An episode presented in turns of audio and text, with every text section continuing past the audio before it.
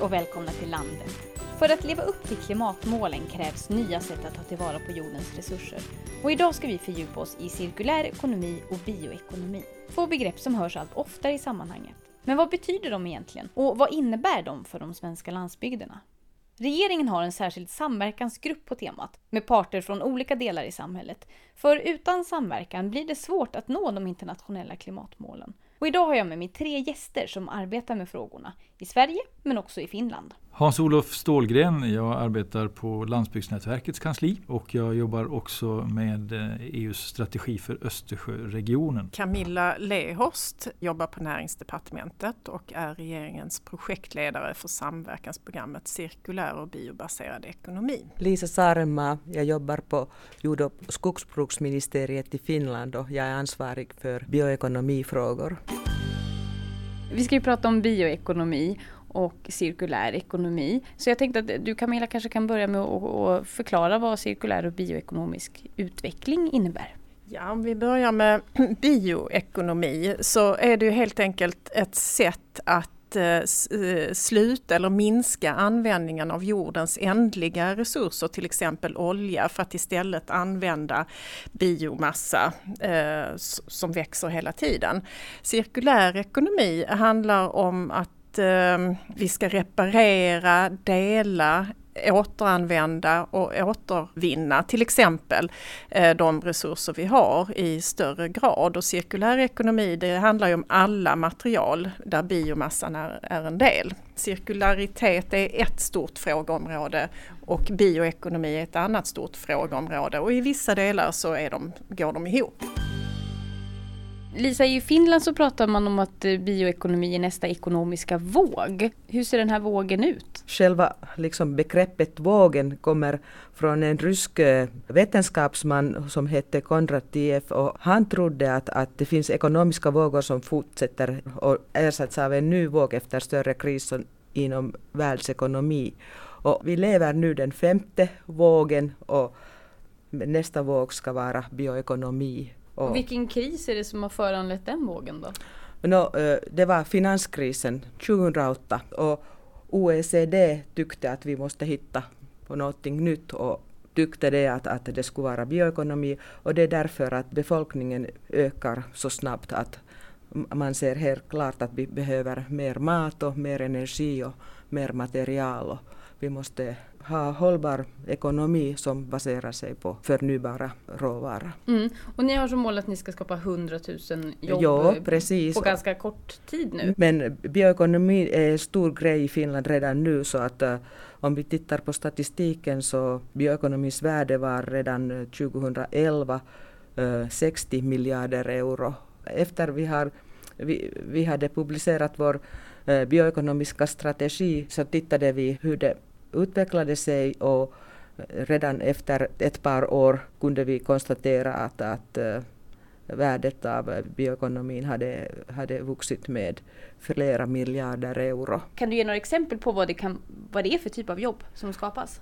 Nu när vi liksom försöker få nya produkter och nya processer i, i bioekonomin, till exempel i, i skogsindustrin, så vi ser att det nya arbetsplatser skapas inom servis och också liksom servicesektorn är jätteviktigt här. Inom turism och sådär? Då, ja, precis. Ja, eh, inom turism men också så att i, inom liksom industriella processer behöver man se, eh, servicesektorn och, så, och på det sättet får vi nya arbetsplatser, vilket är bra. Anders Olof, du jobbar ju med EUs strategi som du berättade för Östersjöregionen och fiske och vattenbruk. Vad kan du ge för exempel på hur man kan jobba med så kallad blå bioekonomi? Ja, det har ju blivit ett begrepp nu inom bioekonomin. Det är det som sysslar med, med marina råvaror. Eh, och där är ju e, en sak som är intressant är ju naturligtvis musselodling, fiskodling, algodling, sjöpungar eh, som inte är en alg men som är ytterligare en organism som, som eh, växer i våra mer salta vatten. Det produceras väldigt mycket biomassa där. Och eh, då ska man, tycker jag, också tänka på att det är inte biomassa för att röta till biogas och sen så är det färdigt. Eh, energiproduktion ifrån biomassa är så att säga den sista stationen. Eh, det gäller ju att komma så högt upp i en värdepyramid och plocka ut de värdefulla ämnena först och sen det som blir restprodukt i den processen blir sen en råvara för nästa. Och, så. och här finns det en massa enzymer, det finns eh, färgämnen, eh, det finns fibermaterial som kan bli nya textilier kanske. Så att det finns en mängd saker att plocka ut ifrån marina bioresurser. Och inte minst eftersom de lever i en ganska stressad miljö, de här organismerna, så har de utvecklat väldigt många försvarsmekanismer och producerar väldigt många specifika ämnen som är bra för läkemedelsindustrin, kosmetikaindustrin och så vidare. Så att det finns en otrolig mängd ämnen man kan plocka ut ur marina bioresurser. Mm. Så bara genom att odla en mussla, så förutom att den kan bli eh, mat en gång, så kan den bli jättemånga andra saker i olika led och olika steg? Ja, och, och dessutom eh, så, så, ska man också titta på att det tar upp näring ur havet som är övergött. Så vi gör en, en, en sån här ekosystemtjänst där också. Mm, mm. Det är ytterligare ett värde. Och det här tänker jag att det måste ju vara ett, ett bra exempel då på den här cirkulära ekonomin mm. som du pratade om Camilla. Mm. Cirkulär biobaserad ekonomi. I Norden så strävar vi efter att eh, ligga i framkant i den här omställningen. Vad kan det betyda för oss i framtiden? Om vi ligger bra till och är i framkant nu? Jag tänker eh, om vi ska prata om den svenska industrin, den växer ju mer än någonsin just nu. Och det största tillväxthindret man ser det är, kompetensförsörjningen. Men en annan fråga som jag tror att vi kanske inte pratar om det är att industrins möjligheter att växa för att göra det även på längre sikt så handlar det om att ställa om till en biobaserad ekonomi. Oljan är inte framtiden. Och jag ser ju också när det gäller den cirkulära ekonomin, där har vi ju otroliga affärsmöjligheter möjligheter nu. Man kan ju bli medlem i ett företag, man kan hyra sina kläder. Man kan dela en bil, det finns ju bilpooler nu för tiden, jag tror att det kommer starkare. Jag vet att det produceras otroliga mängder kläder som aldrig någonsin blir sålda eller kommer till användning. Att man kanske i framtiden så beställer konsumenterna sina kläder innan eh, de produceras. Som man gör med bilar? Ja, precis. Eh, och eh, där ser jag, om vi ska prata om Norden, vi, vi har alla möjligheter med vår tillgång till biomassa, vårt tekniska kunnande. Eh, vi ligger i framkant när det gäller digitaliseringen. Där kan vi göra avtryck globalt. En eh, viktig sak som vi kan tänka på det är, jag tror att vi har en, en medvetandegrad i, i våra nordiska samhällen som är högre när det gäller de här frågorna än i många andra länder. Eh, och, och det är också en viktig sak för konsumentbeteende är ju jätteviktigt. Att efterfrågan på att dela till exempel, att den ökar. Och där, där tror jag också att vi ligger liksom före. Eh, och, och det, det, är en bra sak. Man måste också komma ihåg att bioekonomi är ingenting nytt så att vi har stora bioresurser här i Norden och så vi har också en lång tradition att, att förädla våra biomassavaror så att på det sättet har vi också kunskap eh, som behövs för att gå vidare och därför är vi också ganska konkurrenskraftiga om vi jämför oss med mm. andra länder. Vi kan samarbeta också. Ja, det är en viktig grej. Och vi kan samverka måste jag lägga till och med det menar jag då samverkan mellan universitet, högskolor, forskning, näringsliv.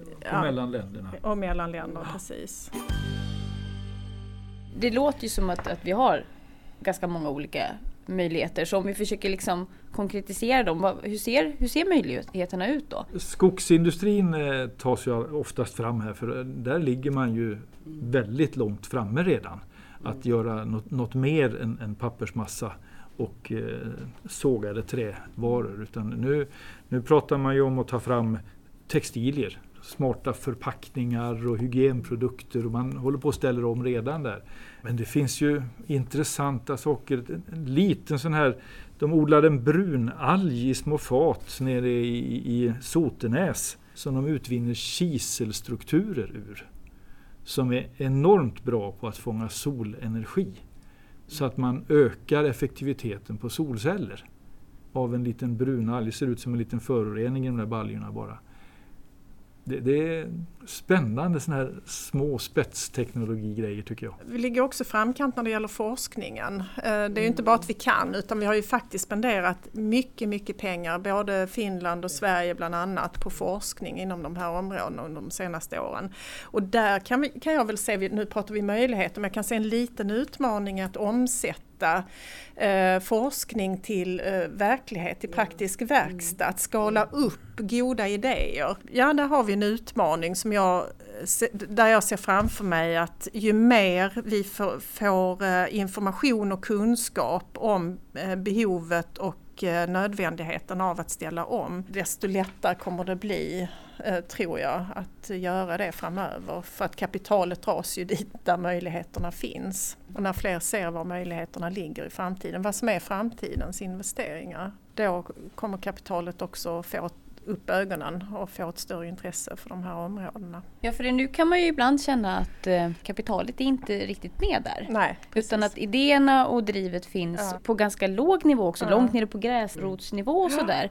Men ja, det är svårt att få tag på kapital för det är ingen som vill satsa på de här idéerna. Helt sant och jag tror många... att det handlar om en kompetenshöjning generellt i hela samhället och eh, också att eh, kanske, ska inte kritisera våra politiker, men att vi ska bli bättre allihopa på att kommunicera vikten av att ställa om varför ställer vi om? Jo, det är ju för att vi har ett klimatavtal. Vi, vi behöver eh, nå ambitionerna i det eh, och där är omställningen en eh, superviktig del. Och ett problem med finansiering är förstås att, att vi ser att, att vi behöver eh, små och medelstora företag därför att de kan ta liksom, risk och de kan vara mera innovativa än de stora traditionella industrierna. Och därför behöver de som, som investerar i deras företag. Och det kan vara lite, lite svårt att hitta äh, insatser för, för investeringar. Är det för att det är svårare för en riktigt stor industri att ställa om än för en mellanstor? Jo, det är därför eller? att det har, det, liksom det har eh, det, det är bolag som har ägare som kanske bor i andra världsdelar och så att det, det vill inte ta risk. Vi ser helt klart att, att, eh, att små företag har en stor roll när vi vill gå vidare med förändringen till kolneutralt samhälle. Men så möjligheterna då, om vi ska försöka sammanfatta det här lite, det, de handlar om att vi har kommit långt, att vi har en medvetenhet, att vi är vana vid att samarbeta i de nordiska länderna, att vi gör det även inom de här områdena och så. Medan utmaningarna kanske handlar lite om kapital och att forskningen kommer ut och blir praktisk och inte stannar på det teoretiska planet och sådär. Mm. Industrins eh, vilja att växa vill jag lägga till på möjligheter också. Det ska mm. vi inte glömma, för industrin är ändå motorn i, i eh, eh, omställningen. Det är ju intressant med den här trenden att bygga i trä. Mm. Det, det är ju verkligen en mer hållbart byggande ur de här synpunkterna. Det, det, är intressant och det är en fördel vi har här i, i Norden. Och de företagen ligger ju i hela landet, ute på landsbygden. Ja, ska vi inte glömma. Hela Nej, landet ska leva. Om man har en stark politisk vilja att, att gå vidare med dessa frågor så det liksom uppmuntrar eh, företag att, att investera. Så att eh, till exempel vår klimat och energistrategi som kom ut för ett år sedan så att det har betytt att eh, industrin ser att nu kan vi förädla eh, liksom, eh, biobränsle därför att, att vi har skyldighet att, att ha bio med i bränsle hela tiden och det, det ökar liksom andelen av vad, vad som krävs. Så att sådana liksom politiska åtgärder kan också, också främja dessa förändringar. Ja precis, politiken har en, en viktig politiken roll. har en roll, ja. Landsbygderna då, på vilket sätt eh, kan de bidra till en cirkulär och bioekonomisk utveckling? Jag skulle faktiskt gärna se att vi ser hela landet som en gemensam motor. Mm. Där städerna har sin roll, landsbygden har sin roll, men att vi tillsammans samverkar, apropå samverka då. Det är självklart att det är landsbygden som bidrar med biomassan. Eh, det är ju många gånger på landsbygden som de små och medelstora företagen finns. Vi pratade om trähusbyggnadsindustrier här. finns i andra företag, bioraffinaderier, mm. andra företag som ligger ute i landet där, där biomassan är, fin, finns nära. Men utan landsbygd skulle vi inte ha, ha liksom biomassa Så att, landsbygden har en jättestor roll i bioekonomin. Så att, eh, jag, jag, jag håller med Camilla att, att det, det, måste vara samspel mellan städer och landsbygden. Och också att, att man, eh, det är inte lönsamt att, att liksom transportera råvaran för en längre sträcka så att man, man måste också förädla biomassan redan ganska nära vad det, den växer. Så att det finns många möjligheter för, för landsbygden när vi, vi går till bioekonomi och ett kolneutralt samhälle. Då sprids det ju ut. Om jag odlar eh, den här biomassan på ett ställe och mm. förädlar den ganska nära också så, så blir det ju många, många, många olika platser i landet som, ja, som får del av den där mm. förädlingsprocessen. Då. Det, det, det, finns den möjligheten men jag tror inte det är någon automatik i det. Utan jag tror att vi måste vara strategiska. Jag tror att det kan finnas en risk att landsbygden då ses som en råvaruproducent som mm. exporterar så att säga mm. oförädlad råvara till några industricentra. Mm. Och där förädlar man eh, och nära städer och sådär. Jag tror att, att vi måste stötta då de här små och medelstora företagen att få kompetens eh, och, och, så att det skapas kvalificerade arbetstillfällen ute på landsbygden och att man ligger i framkanten även i utvecklingen av produkter och innovationer och sånt där. Man säljer mer, mer recept än kakor i framtiden, eh, många som säger. Alltså att vi, vi säljer kunskapen mm. och inte en massa produkter som ska transporteras långa sträckor. Och det är också en möjlighet för landsbygden, förutsatt att vi har den digitala tekniken mm. utbyggd och sådär. Där är vi på god väg. Så som jag, jag sa det tidigare att bioekonomi är ingenting nytt men på sätt och vis begreppet bioekonomi har gett mera synlighet åt landsbygden. Om vi blickar framåt, vad har hänt på de svenska landsbygderna när vi går in i nästnästa programperiod 2028? Vad har kommit på plats? vi börjar med dig. No, no, i, I Finland ser vi att urbaniseringen fortsätter med, med fart. Och det betyder att landsbygden töms så småningom så vi måste ta uh, åtgärder. Därför att jag ser att, att det är just biomassaråvara som behövs och land, landsbygden producerar dem. Men just så som vi konstaterade tidigare så behöver vi också tänka på vilket sätt man förädlar biomassa där på landsbygden och vilken slags nya uh, arbetsplatser kan vi, kan vi få. Jag, jag tror ju att vi, vi kommer ha en mycket mer cirkulär ekonomi generellt sett. Eh, för, för det, det håller ju på. Vi kommer låta materialen snurra i flera cirklar eh, och använda det mycket mer effektivt. Och sen, jag både tror och hoppas att, att vi kommer ha ett stort antal både små och stora företag som just sysslar med att plocka fram de här nya ämnena, substanserna, produkterna. Eh, och de finns både på landsbygden och i mer urbana sammanhang. Och urbaniseringen, eh, ja, jag, jag, tror ju att, eller jag hoppas verkligen att vi ska få ett mycket större vi och ett mycket mindre dom. Vi är beroende av varann och, och, och vi bygger på varann. Mm. Jag tror också och hoppas innerligt att vi har lyckats med det här ökade samarbetet i vår region, Östersjöregionen. Eh, det, det, behöver vi. Vi är, eh, vi är små som enskilda länder. Eh, men, tillsammans så, så, har vi en väldig styrka. Mm. Och, och, det hoppas jag innerligt att vi ska lyckas utveckla ännu mycket, mycket mer. Ja, då har det hänt en del på tio år. Ja. Ja, nej men jag tänker att eh, jordbrukare, skogsbrukare, vattenbrukare, fiskare, det kommer att behövas.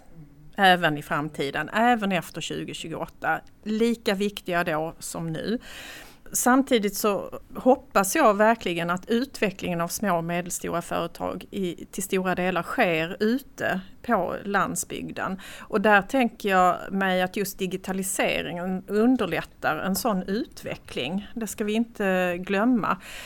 Vi har urbanisering, den kommer fortsätta. Eh, vi ska inte vara naiva. Men jag ser också nya möjligheter att bo och leva på landsbygden. Utan att kanske vara jordbrukare eller skogsbrukare. Men man skulle kunna vara både och till exempel. Eller det ena eller det andra. Mm. Man kan driva ett eh, det här eh, beställningsklädd klädbeställningsföretaget Till exempel. via nätet. Till exempel driva en bilpool till och med. Spännande ändå med alla restprodukter som blir råvaror och att många av de nya jobb som kommer att skapas kan hamna i landsbygderna. Vi tackar Camilla Lerhorst, Hans-Olof Stålgren och Lisa Sadenma för att de kom hit. Jag heter Ida Lindhagen och du har lyssnat på Landet, podden bortom storstan, som är Landsbygdsnätverkets podcast. Vi hörs!